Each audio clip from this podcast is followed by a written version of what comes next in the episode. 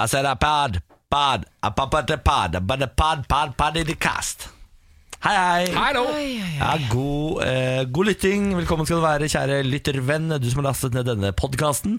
Altså vår favoritt-type lytter, for du har tatt et aktivt valg om å høre Morgenpradet igjen. Helt riktig. Ja, eh, jeg må si at eh, det setter vi veldig pris på. eh, selv om jeg vet ikke om vi skal differensiere mellom lyttere på den måten. Eh, da kan vi fort ende opp i et litt kaldt samfunn, hvor noen rangeres høyere enn andre, sånn som det f.eks. er i Kina. Jeg føler det er litt sånn baksnakking. Vi baksnakker de som kanskje ikke hører på podkasten akkurat nå. Det er sant, det. Og det, de, det vil ikke jeg.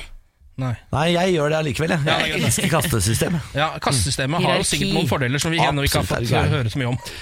Jeg har altså så vondt i bicepsen. Den, den setningen der, Niklas. Hvorfor har du vondt i bicepsen? Fordi jeg eh, har bedrevet eh, håndbak. Du er sjaman. Ja, ja. Er det? Hvem er det du har Nei, jeg var jo mot? på bursdag i Trondheim i helgen, og der var det en 50 Mo Rana-væringer, og de driver med håndbak. Og jeg er jævla god i håndbak. Eh, og jeg har altså til gode å bli slått inntil eh, han der gamle roomien min plutselig klarte å ta meg i én håndbakkamp. Og det er jævla irriterende, for han er så, han er så ekstremt eh, breial. Og det er jeg også, så vi har selvfølgelig igla hverandre opp, og jeg har alltid vunnet i håndbak. Så jeg ga liksom absolutt alt, og jeg var sånn livredd for at armen til slutt skulle knekke Thomas Giertsen-style, som knakk hånda i håndbak en gang. Gjorde han det? Det har jeg ikke fått Mot en kvinnelig håndbakutøver. jeg gjør det.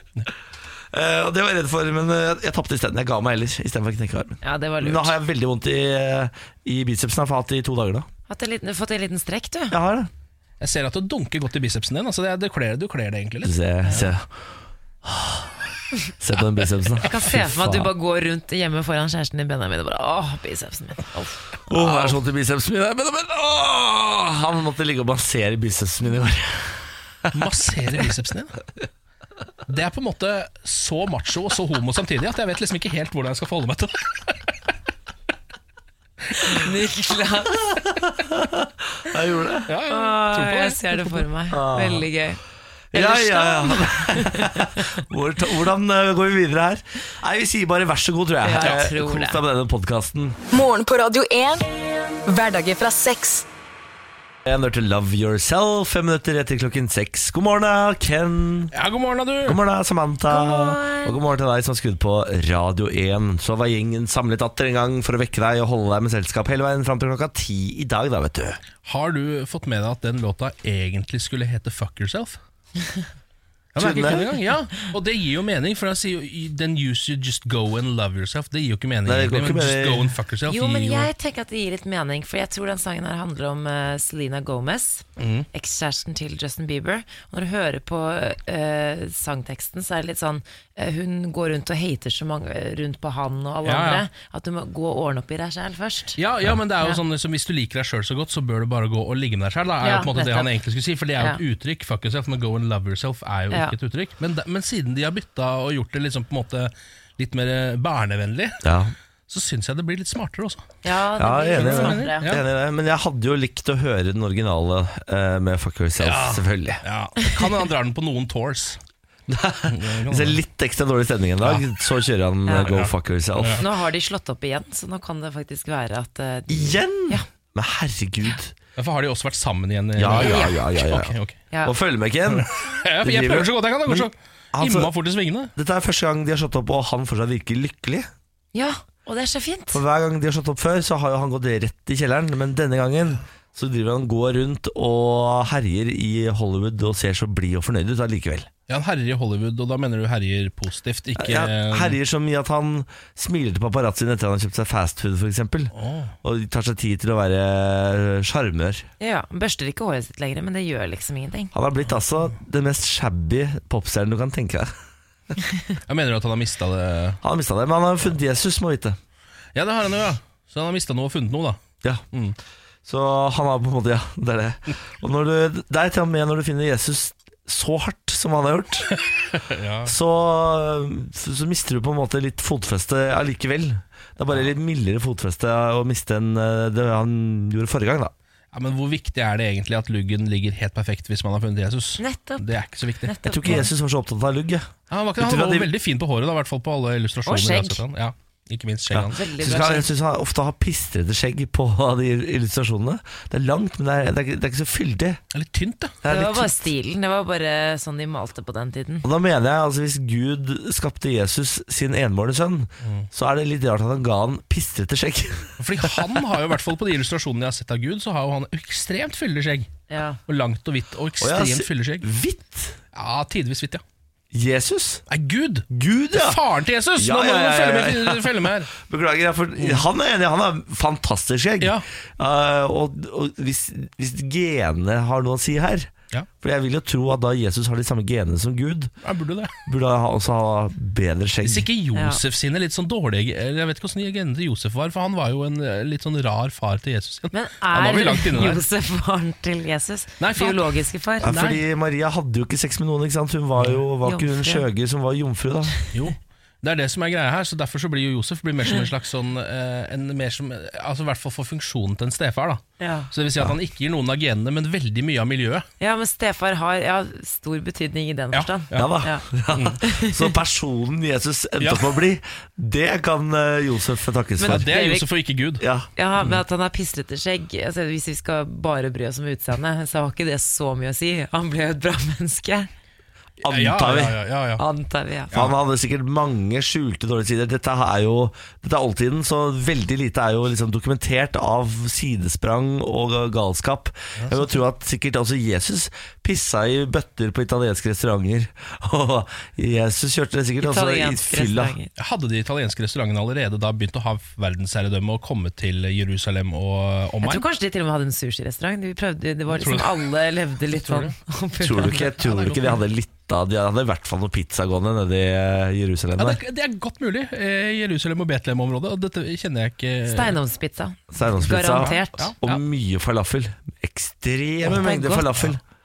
Vi ender alltid opp med å prate med mat. Ja, det. Uansett Det hva er vi da vi prater om i vet at vi må begynne å runde av når vi ender opp på mat. Ja. Ja. Eh, Ni minutter etter klokka seks, det var Jesus for i dag, tenker jeg. Ja, vi får hva, se. er, hva er det du og Nei, jeg tar, tar meg litt av bolla. Fordi Samantha Snart begynner å snakke mat. eh, Noen har kanskje merket at det var ikke Samantha som leste nyhetene klokka seks i dag. Samantha kom for seint pga. T-banen sin. Mm. Da kommer Kristin, men når Kristin leser nyhetene og Samantha kommer for seint, da kommer Samantha med boller. Mm. Eh, nybakte boller til deg. Ja, Ja. Det er egentlig bare personlig bare til meg. Ja. Det er fordi går jo på alle lavkarbo. andre i dette studioet er på lavkarbodiett. Ja. Eller lavkaloridiett. Ja, Det er ulike typer dietter, som det er veldig vanskelig å ta mm, hensyn til alle de diettene som er her i studio. Jeg går ikke på noen dietter. Nei, Foreløpig. Du går på livets diett. Åh, livets diett. Livets diett. Mm. Jeg går på det ekstremt feile lavkarbodiett. Ja, det kan du si. Det har ikke gått så bra til nå? Nei, det har gått helt forferdelig dårlig. I går spiste jeg lakris og eh, wraps. Er lakris ikke lavkarbo? Nei. Det blir Er det ikke? sukker i lakris, vet du. Oh, ja, det er sant det. Det er jo nesten bare rent sukker. spørre Du sa jo i går eh, etter vi var ferdig med sending sånn Ja, nei, uff, jeg er skeia ut. Skeia ut i helgen, men nå, nå, er det, Ja. nå er det tilbake igjen. Ja. Hva skjedde? Jeg fikk besøk i går av en fyr som så at jeg hadde fått lakris. For jeg har fått lakris av svigermor, som vet at jeg elsker lakris. Et sånn dyr, sånn dansk sånn ah, lakris. Ja, den, den fancy Ja, lakrisen. jævla god, Ja. altså. Og den sto da fremme, og så kommer det en fyr som sier sånn Du, kan jeg ta en av de? Og da sa jeg selvfølgelig kan du det. Og da er det jo ø, ufint å ikke spise med gjesten, er det ikke det? Ja. Ja, ja, det er det helt Så klart. jeg også da måtte selvfølgelig Jeg måtte selvfølgelig spise den, jeg hadde ikke noe valg. Så det ble lakris i går, da, og så ble det noen wraps til kvelds. Det ålreit, det, altså. Morgen på Radio 1. Eh, På Facebook kan du ta kontakt med oss på radio1.no, sånn som Louise har gjort. Hei! Hei, Louise. Jeg er sykepleier og har ofte nattevakter. Derfor hører jeg på dere på vei hjem fra jobb. Så for meg er dere på en måte lyden av ettermiddagen. Nei, Ja, Det er litt spesielt å tenke på. ja, det syns jeg er hyggelig å tenke på. Ja, det er det Ja. viktig at vi er på en måte på ballen her, og ikke er Og våkne. Sånn. Ja, våkne. Mm. God morgen og god ettermiddag, Louise. Ja, God ettermiddag til akkurat deg, Louise. God morgen til alle dere andre. Um, rett før jeg la meg i går, så gikk jeg inn på uh, den der litt rare delen av VG som heter VG Direkte. Har dere Ja. fått med den? Der er det sånn Livesenteret. Ja, livesenteret deres, hvor det egentlig stort sett er sånn sportsresultater og sånn, men så dukker det også opp noen sånne veldig korte eh, notiser som ikke kommer ut i sjølve hovedblekka. Så hvis man ikke er der akkurat der og da, så går man glipp av dem, rett og slett. Da blir det bare borte, nesten. Eh, og man får heller ikke så veldig mye informasjon av dem. Jeg har en her som jeg syns var litt fascinerende. Den heter 'Innbruddstyv i Danmark klippet hekken'. Og, det, og dette her er da saken. Etter å ha brutt opp et vindu, tok tyven seg inn i et sommerhus i danske Åbenrå søndag. Vedkommende tømte barskapet, men klippet til gjengjeld hekken og gresset, tok oppvasken og etterlot seg et brev på fransk. Og det er saken! Og så får man liksom ikke vite noe mer heller. Et brev på fransk. Ja.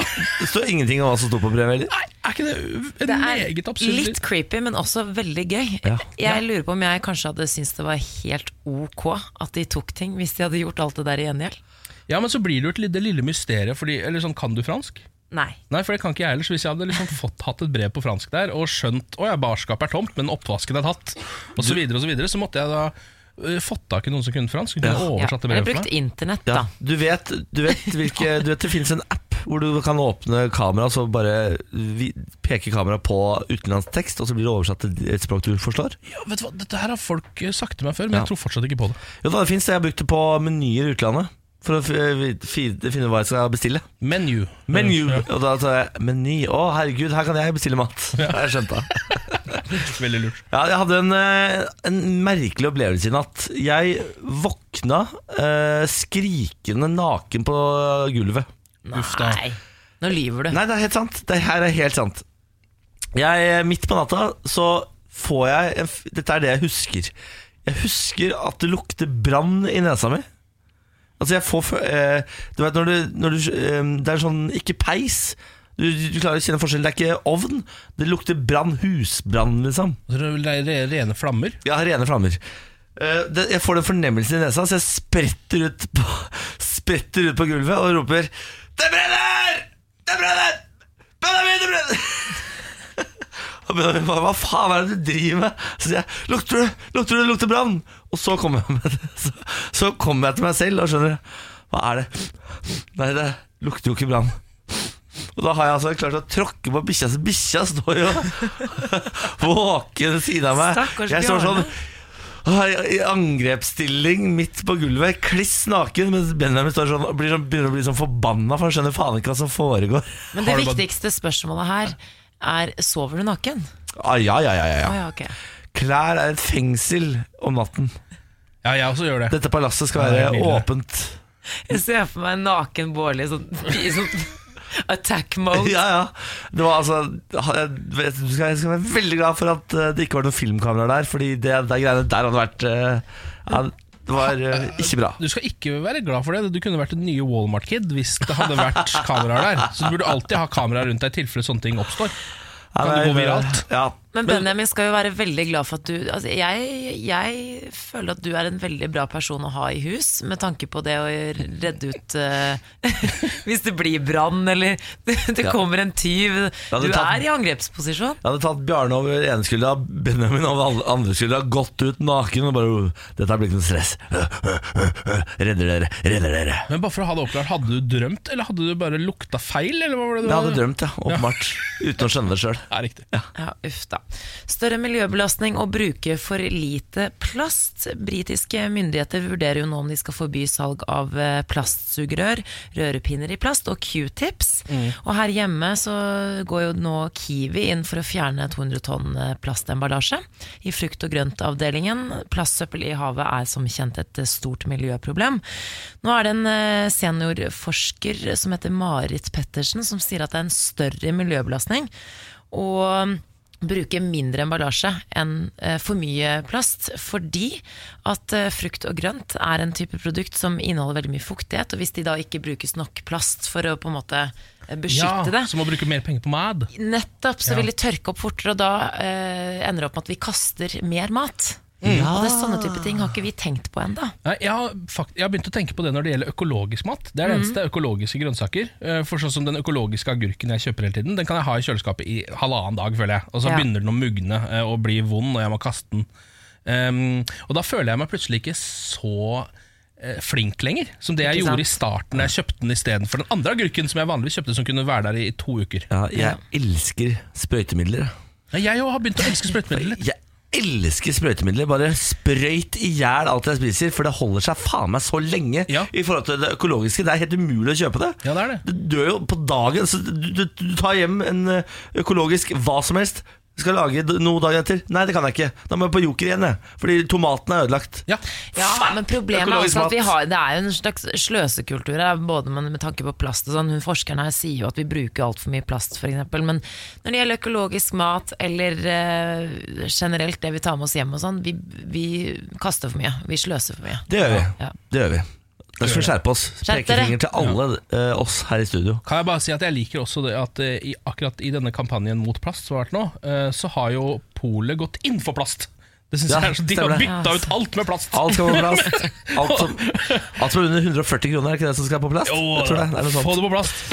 Morgen på Radio 1. Eh, jeg er en ivrig bruker av VGTV. Fordi de har så mye bra dokumentarer. Ja. Ja, de har veldig mye bra dokumentarer. Ja, de har det. Eh, Det hender at jeg bare setter det på. Og så, fordi når man jobber så tidlig som vi gjør, eh, når vi sitter her fra, sånn, eh, fra klokka seks til eh, langt utpå tidlig eftan, så blir man litt sånn rar og zombieaktig i hodet når man kommer hjem. Så noen ganger så må jeg bare ligge på sofaen og så må jeg bare ha et eller annet gående, og så håper jeg at det er noe jeg kan interessere meg for. Og dette her skjedde i går. Da så jeg en dokumentar som heter The Dog, som er fra 2013. Um, og den dokumentaren uh, er basert på livet til en fyr som heter John Wojtowitz.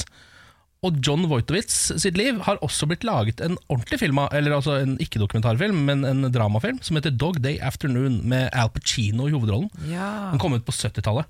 Uh, og det her er en av de sjukeste historiene jeg noen gang Jeg synes det er rart at jeg ikke har fått med meg at dette har skjedd. Før det er I amerikansk historie så har det skjedd så mye rart at mye av det har bare gått hus forbi. Eh, For det som skjedde med John Wojtowitz, var at han eh, en gang på eh, 70-tallet, tidlig på 70-tallet, eh, oppdaga at han sannsynligvis var homofil. Mm. og da hadde han møtt en fyr som han likte veldig godt. Og så viste det seg at eh, han fyren han hadde møtt, han hadde veldig lyst til å bli kvinne. Så han har lyst til å gjennomgå en kjønnsskifteoperasjon. Ja. Eh, og det var sannsynligvis ikke noe lettere i 1972 enn det det er i dag. Mest sannsynlig ikke. Mest sannsynlig mye vanskeligere, Ja. eh, og veldig mye dyrere, vil jeg nesten også tro.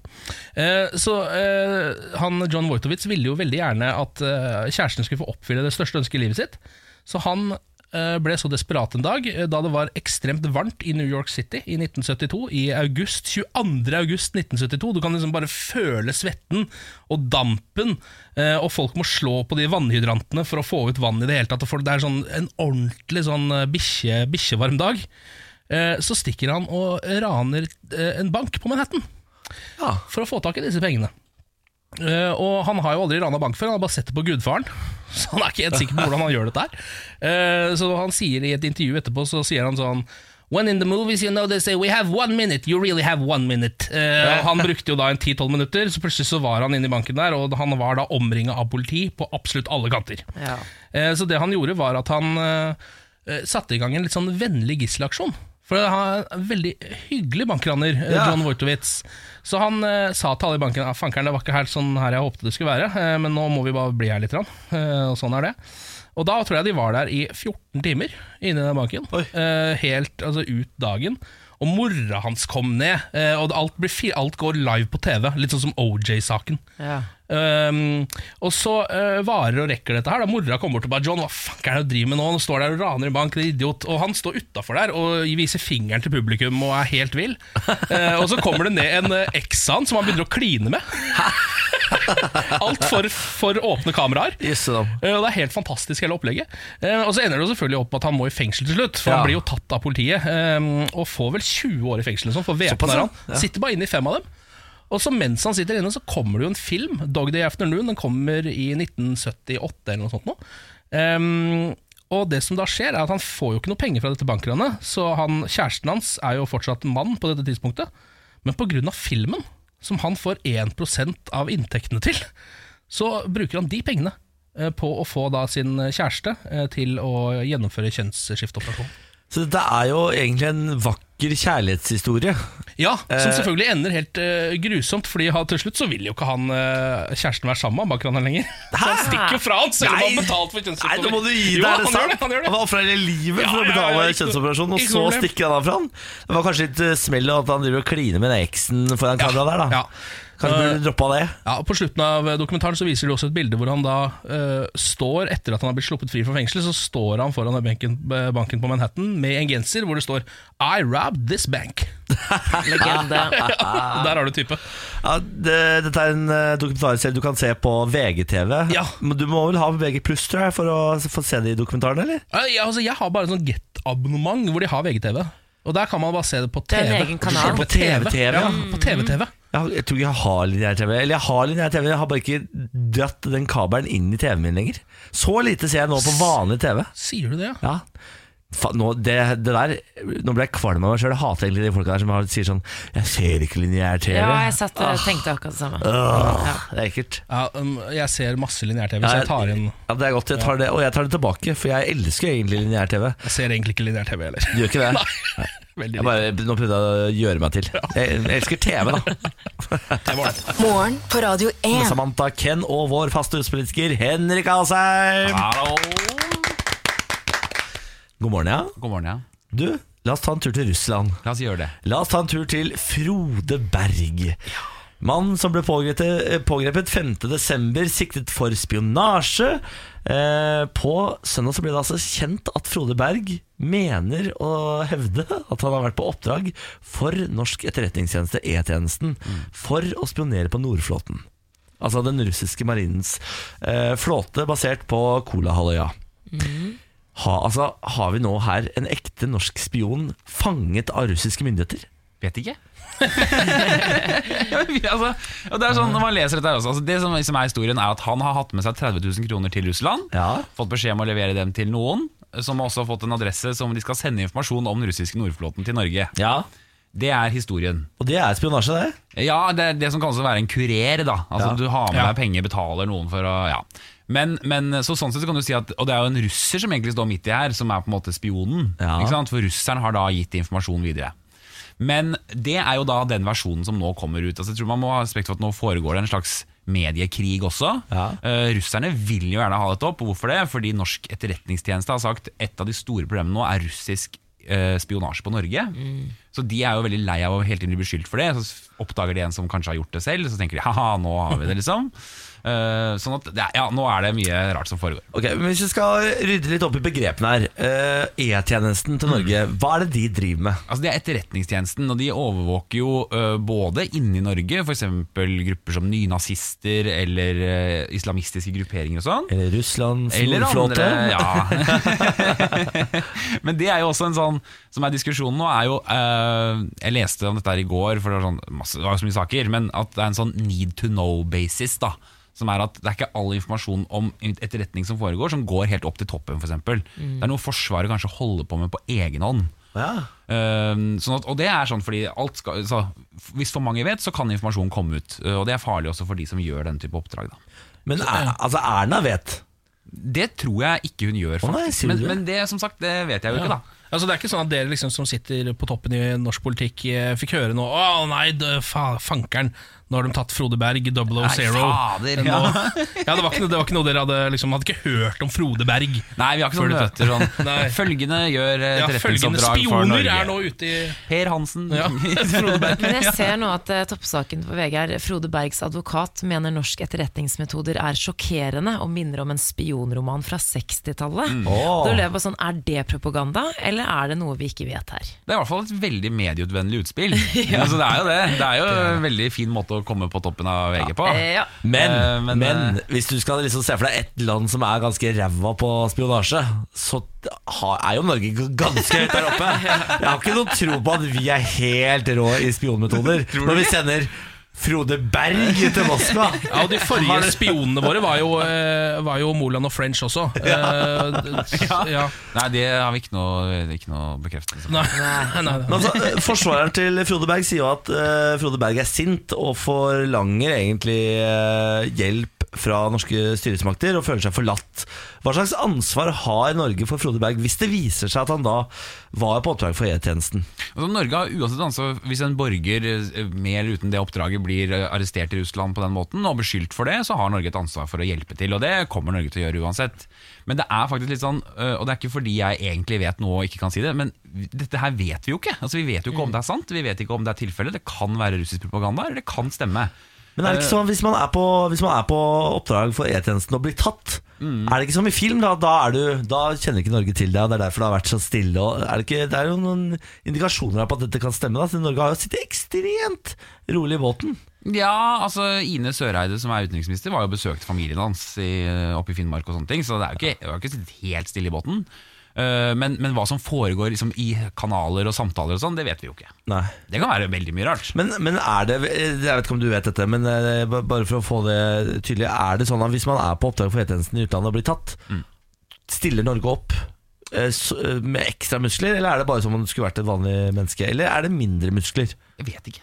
Du vet ikke? Jeg har aldri blitt arrestert eller hjulpet noen som har blitt arrestert. For, Det er rart, men. og- for, Men de ja. jobber vel, eh, sånn som man ser på James Bond og sånn, de jobber jo veldig for seg i det skjulte. Ja. Eh, Med tanke på regjering og sånn, det er jo ikke alt de vet. Nei, nettopp. Og det, er, det foregår ting eh, under radaren også for regjeringen, antagelig. Da, som er på en måte regjeringen har Ja, man skal få, få informasjon om andre land, men akkurat hvordan man gjør det, det er litt sånn som Forsvaret må bestemme selv. Men det er jo eksempler på at eh, Husker når eh, der, Var det Kursk den het, den russiske ubåten? Ja, ja, ja. Da latet jo Russland som at ikke den var der engang. Ja. Eh, og den hadde jo sunket, liksom. Eh, og de trengte hjelp, men da var det sånn Nei, vi har ikke noe ubåt eh, der. Så det, er jo, så det er nok et eksempel på at i hvert fall utad så avskriver man seg alt ansvar, og så jobber man under, eh, under radaren. Ja, men, ja. Jeg bare tar det jo for gitt at Frode Berg har med seg for eksempel en kulepenn som egentlig er en bombe, eller noe lignende som gjør at han kan komme seg ut av det fengselet. Ja, tanna er jo cyanidpille. Ja? Hvis tanna er jo cyanidpille, for eksempel. Hvis det blir waterboarding her, så er det ut med Ja. tanna Jeg vet, om, den. jeg vet ikke om det er verdt å, å ta livet sitt for litt waterboarding. Uh, Tror du ikke det? Nei, jeg tror, jeg tror ikke det. Jeg tror det er forferdelig. Jeg tror jeg undervurderer Ja men, waterboarding. ja, men er det ikke den minst grusomme av torturmetodene? Det der, Er det? Ja, Og simulere drukning. ja. Jeg tror, ikke, jeg tror ikke det er den minst grusomme. Nei, det er ikke den mest, det er ikke den mest Jeg tror, grusomme, da. jeg tror for eksempel kiling for eksempel er verre. Det er sånn norsk tortur. Kommer Erna Solberg inn med sånn sur, sånn mørkt blikk. Nå skal jeg chile. Hvis det viser seg nå at eh, Frode Berg var norsk spion, hva har det å si for forholdet mellom Norge og Russland? Jeg tror ikke noen eh, på noen av sidene av grensen detter av stolen hvis noen sier at man har hatt, uh, forsøkt å samle informasjon om det andre landet. Uh, så jeg tror ikke det egentlig har så mye å si. Men det er klart at som jeg sa i sted også, russerne har jo vært provosert over at vi har påpekt at russerne uh, spionerer. Så hvis de får et kort på hånden, så kan de jo bruke det til å si at alle spionerer. Og det er det de fort kommer til å gjøre, da. Kan det ende med at Frode Berg må liksom tilbringe resten av livet i russisk fengsel? Nei, det kan jeg ikke se for meg uansett om han har gjort det eller ikke. Nei, ikke Nei. For det tror jeg Norge kommer til å pushe på for at man skal. Akkurat som en annen borger. Men kan man overkjøre en strafferamme på 20 år? da? Altså, for det er det som er strafferammen der borte. Kan Norge bare finne på å si sånn Det finner vi oss ikke i. Og så sier Putin sånn Nei, å, dere gjør ikke det, nei. Vel, her er han tilbake, vær så god. Nei, nei, altså, og det er jo et faktum Selv om du bare driter deg ut i Singapore på ferie Ja. Så er det jo veldig vanskelig for Norge Hvis du blir dømt etter lovene der, så er det vanskelig Men eh, man har jo da forskjellige sånn, kanaler man kan bruke Og måter man kan forhandle med land for å forsøke å løse det på Man har forskjellige kanaler. Ja, det er så deilig å høre. Du tror Frode Berg kommer til å komme hjem til Norge om ikke så lenge? Ja, det, det håper og tror jeg Ja. faktisk Ja. Eh, Henrik Asheim, vår faste huspolitiker, tusen takk for besøket denne uken også. Takk for seg altså Vi snakkes om en uke, vi. Det gjør vi ass Morgen på Radio 1. Det er drama i Oslo-skolen, dere. Eh, Jeg vet ikke om dere har fått med dere læreren som eh, lagde, skrev et debattinnlegg Ja. om elevene og hvordan eh, kaoset i timen regjerer. Eh, Han eh, skrev et veldig sånn beskrivende innlegg om hvordan elev A, B, C oppfører seg, og hvordan man ikke får noe ut av timen fordi det er så mye støy i klasserommet. Så ble han invitert på Dagsnytt 18, hvor han satt og debatterte. Eh, Etter Dagsnytt 18 så har det da kommet et motinnlegg, og skolen reagerer på hvordan Læreren eh, beskriver klasseromsituasjonen. Elevene føler seg uthengt. Og nå er det enda mer drama, fordi det viser seg nemlig at dette innlegget, som visstnok var skrevet av elevene som følte seg uthengt, er skrevet på en lærers PC. Eh, Har de fått hjelp? Ah, det er det, da! Fordi nå er jo da spørsmålet Hvem har skrevet dette innlegget? Er det eleven som har fått låne lærerens PC og skrevet det der? Eh, Det er det skolen hevder, eh, men det er noe som tyder på at det kanskje ikke er elevene som har skrevet dette innlegget i det hele tatt. Fordi eh, det fins veldig avanserte setninger i dette innlegget som tyder på dette kommer ikke fra en ung, ung persons penn. Dette kommer fra en voksen persons penn. Det er Skal vi se, bare så jeg får dette riktig. Det er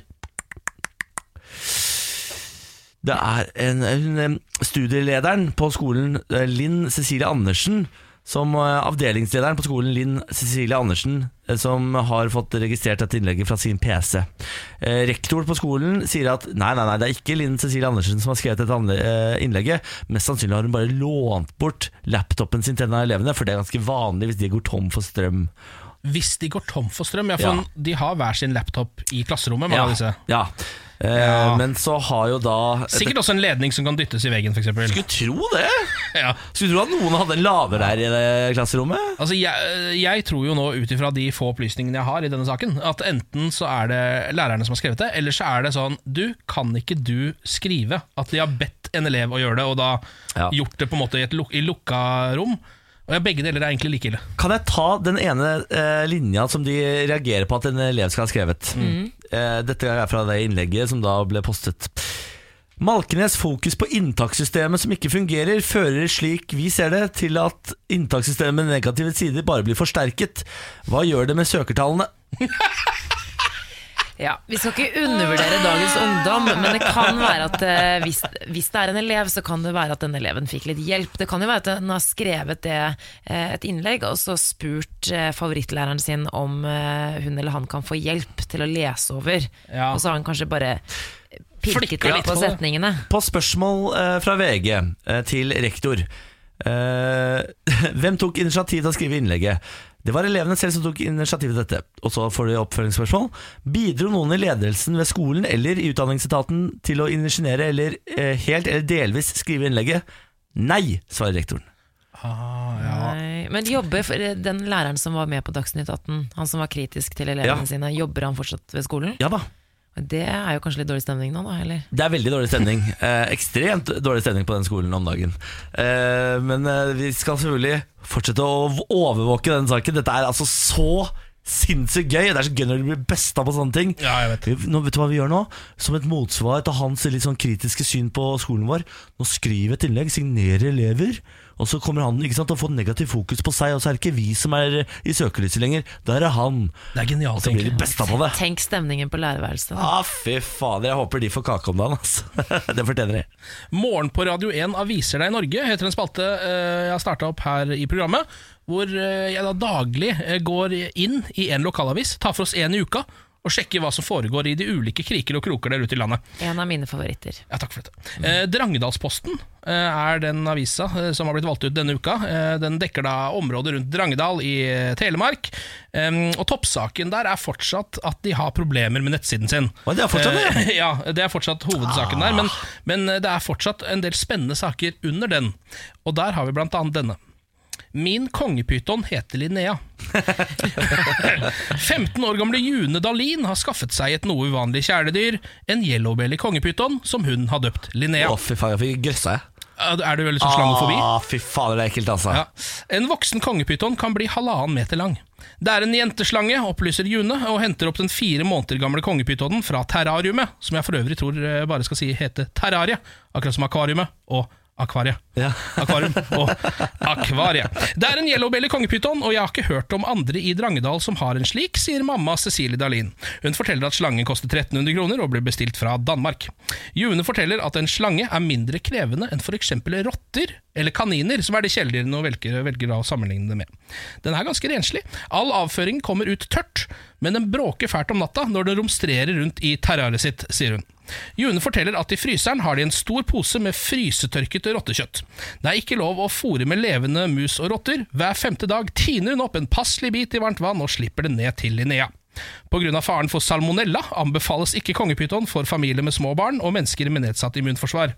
Derfor er det viktig å vaske seg på hendene etter å ha tatt på slangen, sier June.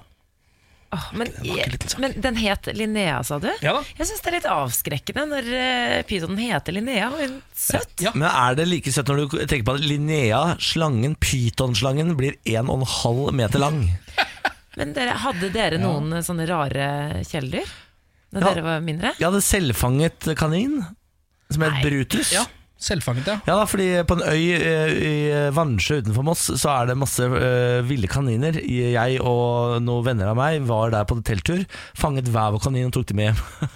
ja. og pleiet de som eh, våre kjæledyr. I årevis hadde jeg Brutus. Vi også hadde en kråke en periode, fordi mamma er sånn doktor Dyregod-person som bare tar med seg ting hjem hvis de har, har sliter litt med vingen, f.eks. Um, Det er derfor du er så glad i dyr, Ken. Jeg er kjempeglad i dyr, men vi hadde jo også en periode så hadde vi da alle dyrene i verden eh, hjemme. Det vil si at vi hadde da katt, hund og fugl. Og det endte opp eh, med eh, at det ble Darwins huskestue eh, hjemme hos oss. Da eh, den kattungen ble spist av bikkja. Nei. Eh, jo da, det var sånn det gikk. Og før det så hadde da katta tatt fuglen. Og så måtte nei, vi til slutt nei. drepe bikkja, fordi den var jo gæren og hadde spist katta. Nei, Så der har du hele, den, hele kjeden, næringskjeden hjemme hos Vasenius Faen, Nilsen. Men du, har du som hører på hatt en eh, litt sånn rar eh, form for kjæledyr, eller har en morsom dyrehistorie, så vil vi faktisk veldig gjerne høre det. Ja. Send melding eh, til oss på radio1.no, og elsker lokalavisnyheter, Ken. Jeg syns faktisk det er litt for lite dyrestoff i programmet, Ja. så det er bra at du vil ha inn mer av det. Ja. Morgen på Radio 1. Eh, Riktig god morgen, Ken Vasenius Nilsen. Ja, riktig god morgen, Niklas. God morgen, Samantha Fox. God morgen! Lars Berrum. God morgen. God morgen. Hvordan står det til med gjengen, da? Gjengen vet jeg ikke. Det, er, det må dere nesten svare.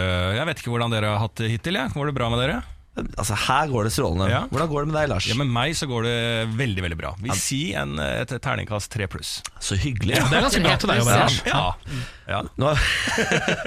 Eh, Lars, du er jo innom for å quize oss. ja. Dag i dag, intet unntak.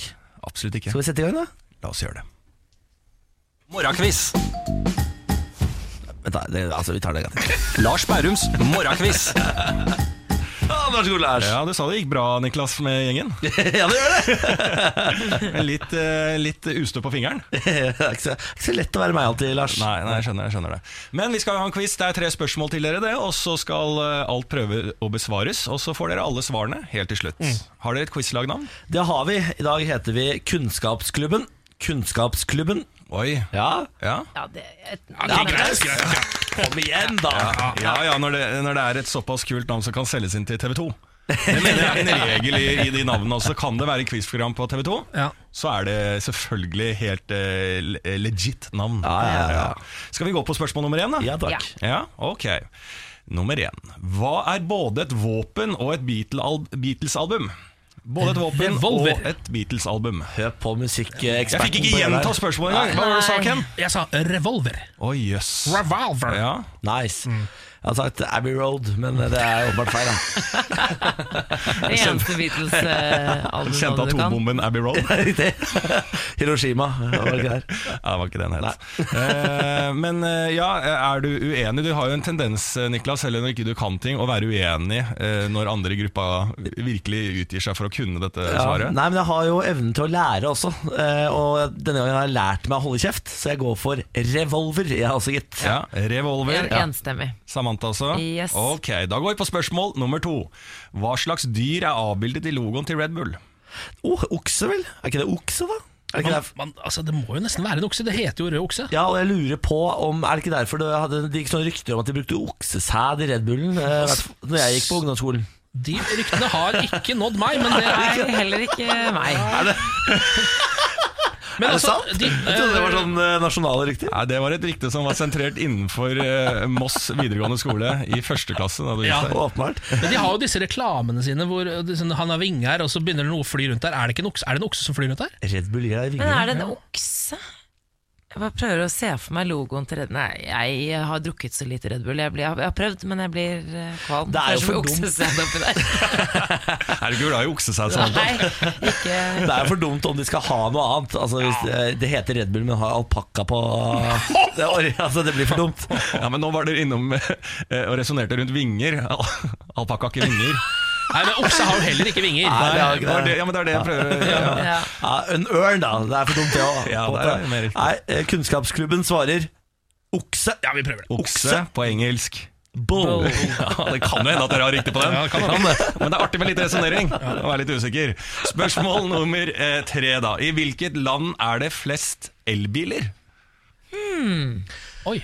Ja, nettopp. Jeg vet jo at Norge er eh, i lederposisjon når det gjelder elbil per innbygger. Men om det er det landet som har flest elbiler totalt, det vet jeg faen. Ja, men det er vel per innbygger, er det ikke det? da? Fordi det fins jo større land enn Norge, på en måte. Her tror jeg vi skal holde oss til spørsmålet Hvilket land har flest elbiler? Ja, ok. Det er bare totale er det flest antallet, ja. elbiler? Ja. Ikke sant. Har Men det er ikke Kina, noe tvil om at Norge er elbilhovedstad. Ja, I hvert fall liker å kalle seg selv det. har Kina fått den eh, elektriske revolusjonen på veiene ennå? Ja, det, det vet jeg ikke, men jeg ser liksom for meg at de fortsatt kjører litt sånn gamle skrap der borte. Ja, og i USA er det nesten et skjellsord å kjøre elbil, har jeg skjønt. Ja. Ja, Hva er det de sier der på amerikansk? Hey, you fucker! Sånn, eh, et forsøk på britisk engelsk. Det er riktig. Hei! Hei! You're driving around in a, in a electrical car? Yeah. Get the fuck out of here! Hvor Er det USA er vi nå? amerikansk irsk? det er Boston. jeg er nærmere Newcastle, det greiene der, men eh, altså, hvem vet? Jeg tror det er Boston. Boston! Hvilke Ja, land det må er du det som huske er når du gode skal på til Boston, elbiler? du der ute som sitter og vurderer å reise dit. Husk at det uttales Boston når du er der. Men altså, vi må jo også huske at i Kina så er det jo sånn hvis bare én per millionte innbygger har fått seg en elbil, så leder de allikevel, nesten. Ja, og jeg vet at det snart skal komme en eh, kinesisk elbil på det norske markedet som visstnok skal revolusjonere dritten. Så de har sin egen variant også? Ja, de har nok det. Skal vi, er det Kina? Skal vi prøve Kina? Ja, vi prøver. Vi prøver Kina, vi. Ja. Kunnskapsklubben svarer China. China. China okay. all the time. Ok, nå skal vi på alle svarene, da. Ja, takk. Eh, Spørsmål én var da Hva er både et våpen og et Beatles-album? Her fikk jeg ikke rukket til å gjenta spørsmålet før Ken Vasenius-quizen svarte revolver. Niklas var enig, faktisk. Ja, Forsøkte seg litt på Abbey Road. Eh, hadde ikke Ken vært der, så hadde det gått for Abbey Road. Ja, ja, Samantha eh, holdt tyst, eh, og stillhet da samtykker man jo på en eller annen måte. Og revolver er helt riktig. Veldig bra. Spørsmål nummer to eh, var jo av den lette sorten, men vi greide å bruke litt tid. Hva slags dyr er avbildet i logoen til Red Bull? Jeg gjentar Red Bull. Her greide vi fint å vite at bull er okse, men vi greide å surre oss litt rundt. Hva har vinger? Niklas forsøkte å tenke på dyr med vinger, foreslo alpakka. Men dere endte heldigvis på okse, og det er riktig! Spørsmål nummer tre var da i hvilket land er det flest elbiler? Og her kan dere nå eh, faktisk stå med å få tre av tre. Som er første gang eh, eh, når deres eh, gruppe Nei. er Nei, vi har klart det en gang før. Er dere helt sikre? Ja, ja, ja. Okay, ja, det er godt, eh, det har jeg glemt. Da er dere sikre. Klaga dere frem til et spørsmål eh, dere mente dere hadde riktig på, som ikke jeg var enig i? det var en fredag, da hadde de oss veldig enkle spørsmål. Du var. Ja, så var det en lignende quiz. Ja, ja. Ja, men det er Kina! Tre av tre, folkens! Fy fader. For en dag dette blir, og dere hadde det bra i utgangspunktet. Ja, Nå må ikke vi få noe høyere selvtillit, for da kan dette gå ordentlig gærent. Balalaika! Oi, oi, oi. Der er vi. Overtenning. Jeg beklager det. Eh, Quizmaster Lars Berrum, tusen takk for at du kom hit og quiza Kunnskapsklubben. Jeg trekker meg inn i en quizbok og lukker den igjen.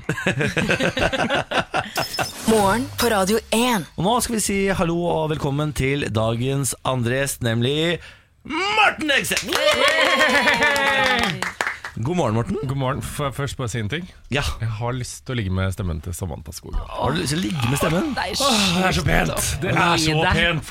Gi deg. Norges peneste radiostemme. Hørte dere det? Jeg var helt sikker på at du var homo, jeg, Morten. Men det er så feil kan man ta. altså, 199% homo, men hører stemmen til Samantha Skogran, blir litt i tvil. Men, Ja, den, men er er- litt, den er litt dyp da, av og til. Men spørsmålet er, er det rasshølet eller kølla som våkner? Nei, Det Morten, eh, du trenger ikke å svare på det. Nei, det er så bra. Velkommen skal du være. Takk skal du ha. Det er så jævla dritt, Niklas! Ja, takk for det. Morten, vi skal i gang med spalten vår. Ja. Fortell oss, fortell oss noe du vet. Jeg skal fortelle deg noe jeg vet. Jeg drev jo og forberedte meg til en spalte her. Håpa jeg skulle liksom bidra med noe smart og klokt, siden jeg ikke jobber med noe smart og klokt. Kom fram til at jeg må ta noe innafor den gata jeg jobber med, nemlig hvordan lage en heidundrende klikksak. Ja. For det er jeg god på. ass Jeg jobber jo med panelet på VGTV, som er meg og Vegard Harm, som fjasere og prater om underholdning. Og i all sjenanse, Det klikker jævlig bra. og det er jo, ikke sant det er, Jeg sitter jo på fredager, jobber med front, har eh, sakene, tar ut bilder. Hvordan skal vi få det her til å klikke? Og nå tenkte jeg skal fortelle dere, hvis dere lurer på Kommer hvordan- fasiten, da? Fasiten kommer da. jeg håper Dagbladet hører på. da Nå, så nå avslører du hele yrkeshemmeligheten din, egentlig? Ja. Ja, ja men det, det var det fint. Kvinnekropp. Funker alltid. men altså, det her er en klisjé, men det her er helt innmari merkelig. For med en gang man tar en kvinnekropp på front sånn, ikke, ikke ta hele kvinnekroppen, ta gjerne så avskjære av, av sånn ved halsen. For da tenker du sånn Skal jeg få se en Og Da kan du ha en utringa topp, ikke sant, så blir Ja. du skuffa, men det kan også være mer. Da klikker folk. Har du en naken mann, klikker ingen. Sier du det? Ja, Menn er så mye mer primitive enn kvinner. De klikker med penis. Drrr, Kvinner klikker med hjerne. Vi har prøvd det der. Lagt ut liksom nakenbilde av Odd Magnus Wilhelmsson, Henrik Thodesen, masse kjekke kjendismenn. Ingen som rører det med en gang det er en naken kvinne. Det klikker, klikker, klikker, klikker klikker, også kvinner på de sakene? Jeg De tror også det, skjønner kvinnebildene? Eh, Ja, det er en stor andel av menn 50 pluss. Altså, det er jo sånn Men det er jo det triste, fordi altså, når Big Brother gikk på TV Norge, og sånn, så tenkte man jo sånn Å, det er unge jenter på 14 år som ser på. Det er menn på 64. Ja, det er det. Ja, og det er jo det ekle. Og dette er jo på en måte kanskje Ja, men ja. Det er menn på 64 som kjøpte abonnement for å styre kameraene inne i huset. For det husker jeg man kunne. Kjøpe abonnement, og så Ja. kunne man se hvilke kameraer man ville hele døgnet. Ja, og da fikk du jo live. Yes. På en måte. Men Yes. eh, i hvert fall det var ganske øh, sånn, det var selvfølgelig. Men ordet drøyt funker jo selvfølgelig også alltid. Ja. Ja. Hvis man sier 'dette er det drøyeste jeg har sett', så blir folk veldig nysgjerrig. Klikker seg inn, og bare folk vil ha noe drøyt i feeden med en gang. Men så er det jo også sånn at folk tenker sånn Når det skjer liksom nasjonale krisa, eller når det skjer noe forferdelig i verden, enten det er krig i Syria eller det er bombing, eller noe sånt, så tenker man sånn Nå vil ikke folk ha Kjendisnytt. Men statistikk viser at jo verre det går med verden, jo høyere er prosentandelen på sånn nisjenettsteder som TMC, Er det eh? E-News og sånne ting. Hvorfor det? Ja, fordi at folk trenger et liksom, sånn pust i bakken. Nå Ah, ja. orker de ikke mer krig, de orker ikke mer elendighet. De vil ha gøyal moro kjendisnytt om at Demi Levato er bipolar. altså, man vil liksom ha mer av det når det går dårlig. Ja. Er Demi Lovato bipolar? Eh, Nei, jeg tror det. Jeg er Ja, ikke ja, men det sikker. er bare ja. Nå er hun det. Det kan være fake news. Men det tenker jeg for dere også, ikke sant? Hvis det er trist og trasig i verden, så tenker dere vi kan ikke sitte her og fjase på radio igjen og ha det gøyalt. Jo, vi trenger dere. Ja. Da vil vi høre Niklas, Samantha og Ken. Ken i monitor. Ja. Eh, Ok, Så har vi kvinnekropp og ordet drøyt. Det funker alltid. Så drøy kvinnekropp. og så er det hvis ting går galt på NRK. Ja. Det elsker ikke folk. Det, det, det syns jeg er veldig gøy, faktisk. Det er kanskje det jeg syns er mest gøy. Altså. Her går det galt på NRK. Da er det brrr. Nyhet som Ja. med hosteanfall, for Ja, ja, ja, ja. Folk elsker det. Og det er sånn mer galt på NRK det går, jo gøyere er det for folk å klikke på. Det er mer på TV 2 Nei, det er mer på NRK enn på TV 2. Og hvis det går på direkten, så er det enda bedre. Her går det galt på direkten. Folk vil se ikke sant, at det går galt på direkten, at folk ikke har noen mulighet til å rømme ifra det. Ja. Og så eh, norsk trumfer utenlandsk. Vi Ja, vil heller se Farmen-Kari drite seg ut, ha sex eller krangle, enn at Britney Spears gjør det. Er det sant? Ja. Det er så rart. Ja, Det er litt rart, for jeg ville jo tro at Britney Spears i Nei, Norge nei, nei, hadde flere nei, nei. fans enn uh, Farmen. Nei, nei, nei, jeg møtte Britney Spears på Eger når hun lanserte den litt halvstygge undertøyskolleksjonen sin. La, Eh, da la hun ut bilde av selfie med Morten. Bare Kalte meg The Norwegian Giant, la det ut på Twitter, Instagram og Facebook, og det var veldig mange som så det. Men hun tagga meg ikke, det er jeg litt bitter for den dag i dag. Folk vil heller se norsk enn utenlandsk. Folk driter i utenlandske kjendiser. Bare Sier du det? Ja, Altså, ja, det det er er helt irrelevant, og navn funker aldri. Å nei. Nei, nei, nei, så det er bare sånn vi, Farmen kjendis, Farmen og sånne ting Det går som hakka møkk Utenlandske kjendiser driter folk Kan jeg bare ta en overskrift her som jeg har foran meg, eh, som jeg egentlig har veldig lyst til å klikke meg inn på, og det er vg.no. 'Snakker norsk, jentene dåner'. Det er altså eh, bilde av en slags Paradise Hotel-opplegg, og jeg har veldig lyst til å klikke meg inn på det. Ja, Hva er, det for, hva er det for en sak? Det er en sak om Faktisk vår sak Det er deres sak, ja. Det er danske Nei, det er en eh, norsk mann Sjekket inn i danske Paradise Snakker norsk Og alle de danske jentene blir sånn En gang til, en gang til Dere er kjempesøte En gang til, styrer på noe Og så er det litt den der skam-effekten da. Ja, der ser du. Du fikk lyst til å klikke deg inn Jeg den? Jeg fikk lyst til å klikke meg inn på Fordi den. vi har, jeg tror vi vinkla den først på, på, på, på, på, på, på er et eller annet sånn skaper Paradise-oppstandelse. Ingen som brydde seg. Snakker norsk. Jentene Norsk, lokalt. lokalt. Det er lokalt, ikke sant, rett og slett. Det får bli eh, de tipsene vi rakk, Morten. Vi må runde av. Hvis det går gærent på fly, eller du har søte katter, så må du også få med at det funker fint. søte katter og flykrasj. Ja. Alt treffer Samantha her. Alt du sier nå, vet jeg Samantha klikker seg inn på. Morten Egseth, eh, tusen takk for at du fortalte oss noe du kunne. Var det alt? Det var alt vi rakk. Kan ikke jeg få mer lenger. Eh, du kan komme tilbake. Ok, greit. Gå med Gud, da. Gå med Gud, ja. Selvfølgelig. Dette er morgen på Radio 1. Ken, Samantha og Pernille. Jeg heter Niklas. God morgen. God morgen. Nå har det kommet en eh, ny melding til oss eh, på Facebook, radio1.no. Eh, Den kommer fra Bolla. Her står det 'Hei, sveiser. Jeg har et klassisk morgenproblem. Jeg liker å sove så lenge jeg kan, og slumrer ofte til det egentlig er litt for sent å stå opp. Dette fører så klart til at jeg ikke har tid til å fikse håret, noe som igjen fører til konstant sovesveis. Hjelp meg, hilsen Bolla. Ikke sant, ikke sant. Mm. Jeg kjenner meg igjen fordi jeg er et klassisk B-menneske. Men jeg har begynt å verdsette morgenrutiner mer enn jeg verdsetter søvn.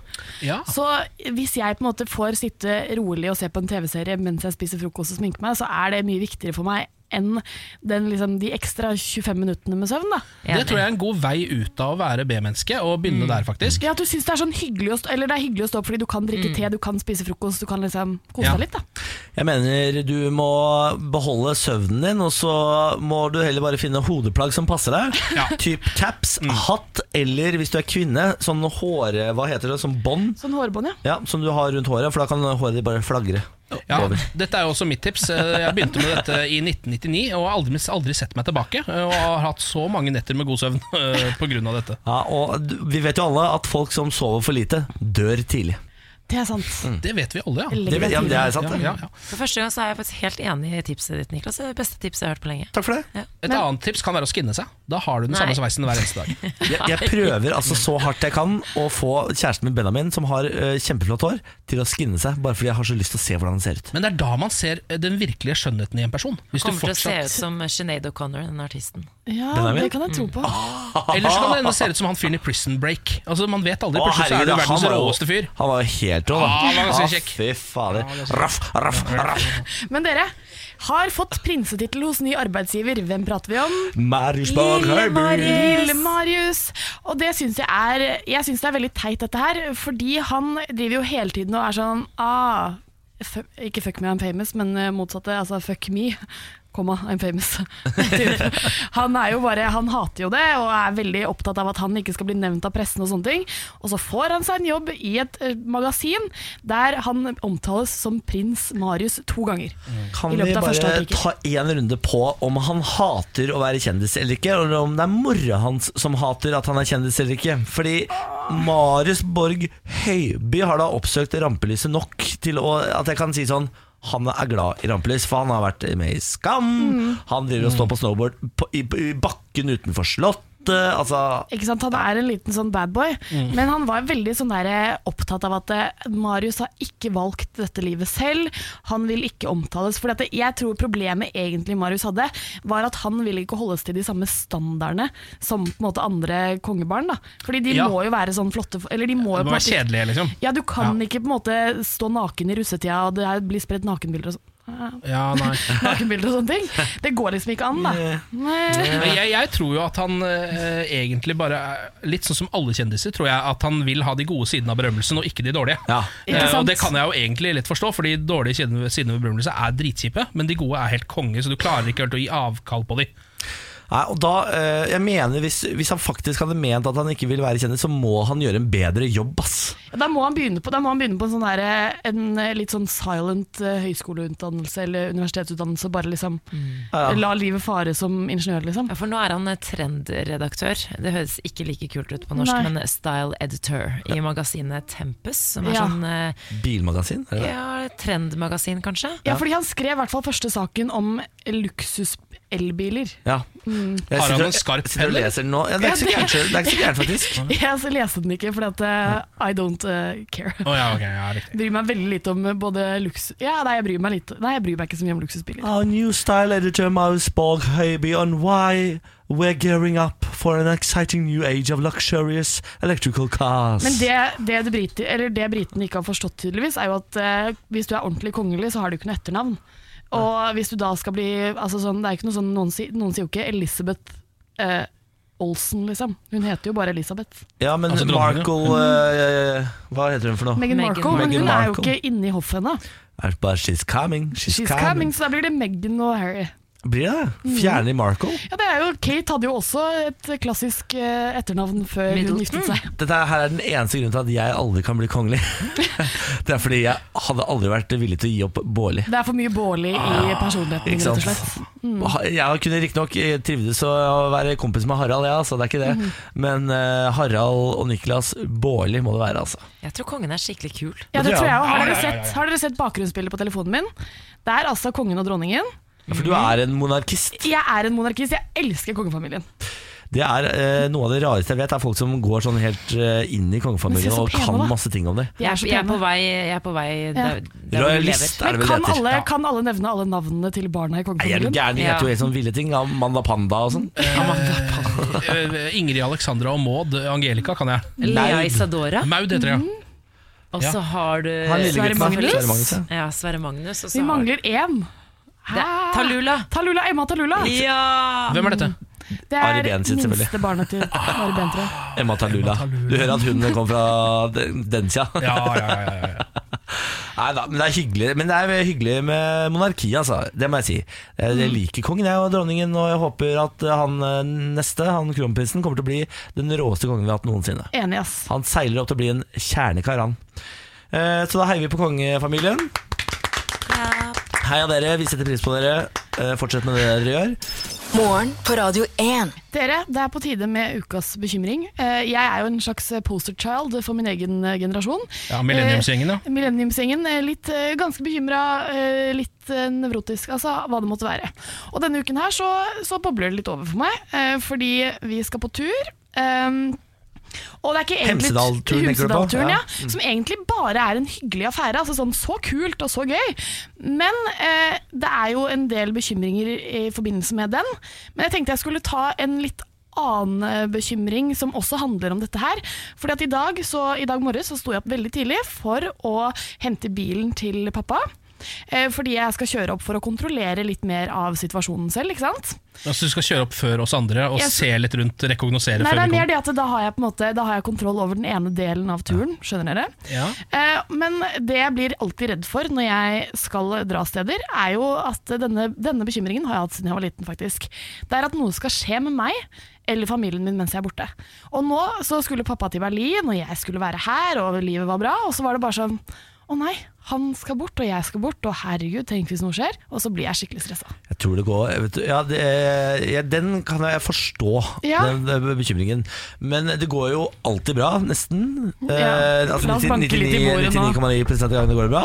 Og det som, du, du må huske på er Faren din mest sannsynlig bare skal på Bergheim og fiste i kjelleren der. Sannsynligvis. Vi så også et bilde av pappa, så hadde det vært et veldig veldig gøy uh, bilde. Han skal sikkert bare sitte inne i Prenzlauberg uh, eh, og spise koreansk eh, barbecue, han. Eh, Ja, og det er ikke noe farlig med det, bortsett fra man kan få en liten matforgiftning. Det har jeg fått en gang i Berlin. Ai, ja. Kan jeg spørre, Pernille, når eh, faren din da reiser bort og du reiser bort, er du sånn som pleier å sende melding og holde kontakten i løpet av helgen? Ja, ja, er For det gæren? syns jeg ofte hjelper. Jeg også kan bli litt bekymra når foreldrene mine reiser bort, faktisk.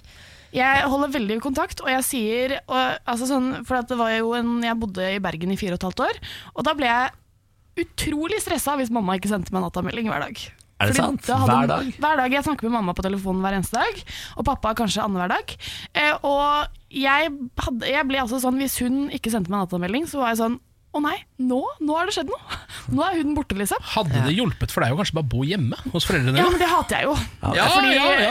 jeg liker foreldrene mine veldig veldig godt, men etter å på en måte ha kjent på det frie liv og ikke bo med dem, så er det veldig slitsomt å flytte hjem. Og uh, sånn for kjærlighetslivet ditt og fremtidig øh, altså, Jeg tror det er veldig lurt å bo uh, for deg sjøl, Pernille. Det tror jeg Fortsett med det, og bygg litt på det. Ja, det er bra for imaget ditt at du ikke bor hjemme Ja, sammen med foreldrene det tror jeg er veldig lurt. Men hvordan kommer man seg over en sånn bekymring som er bare sånn Jeg tror det ligger dypere enn som så. Den derre frykten for å miste noen, den har jo jeg også. Jeg kan, jeg kan kjenne meg igjen i det å være bekymret for andre.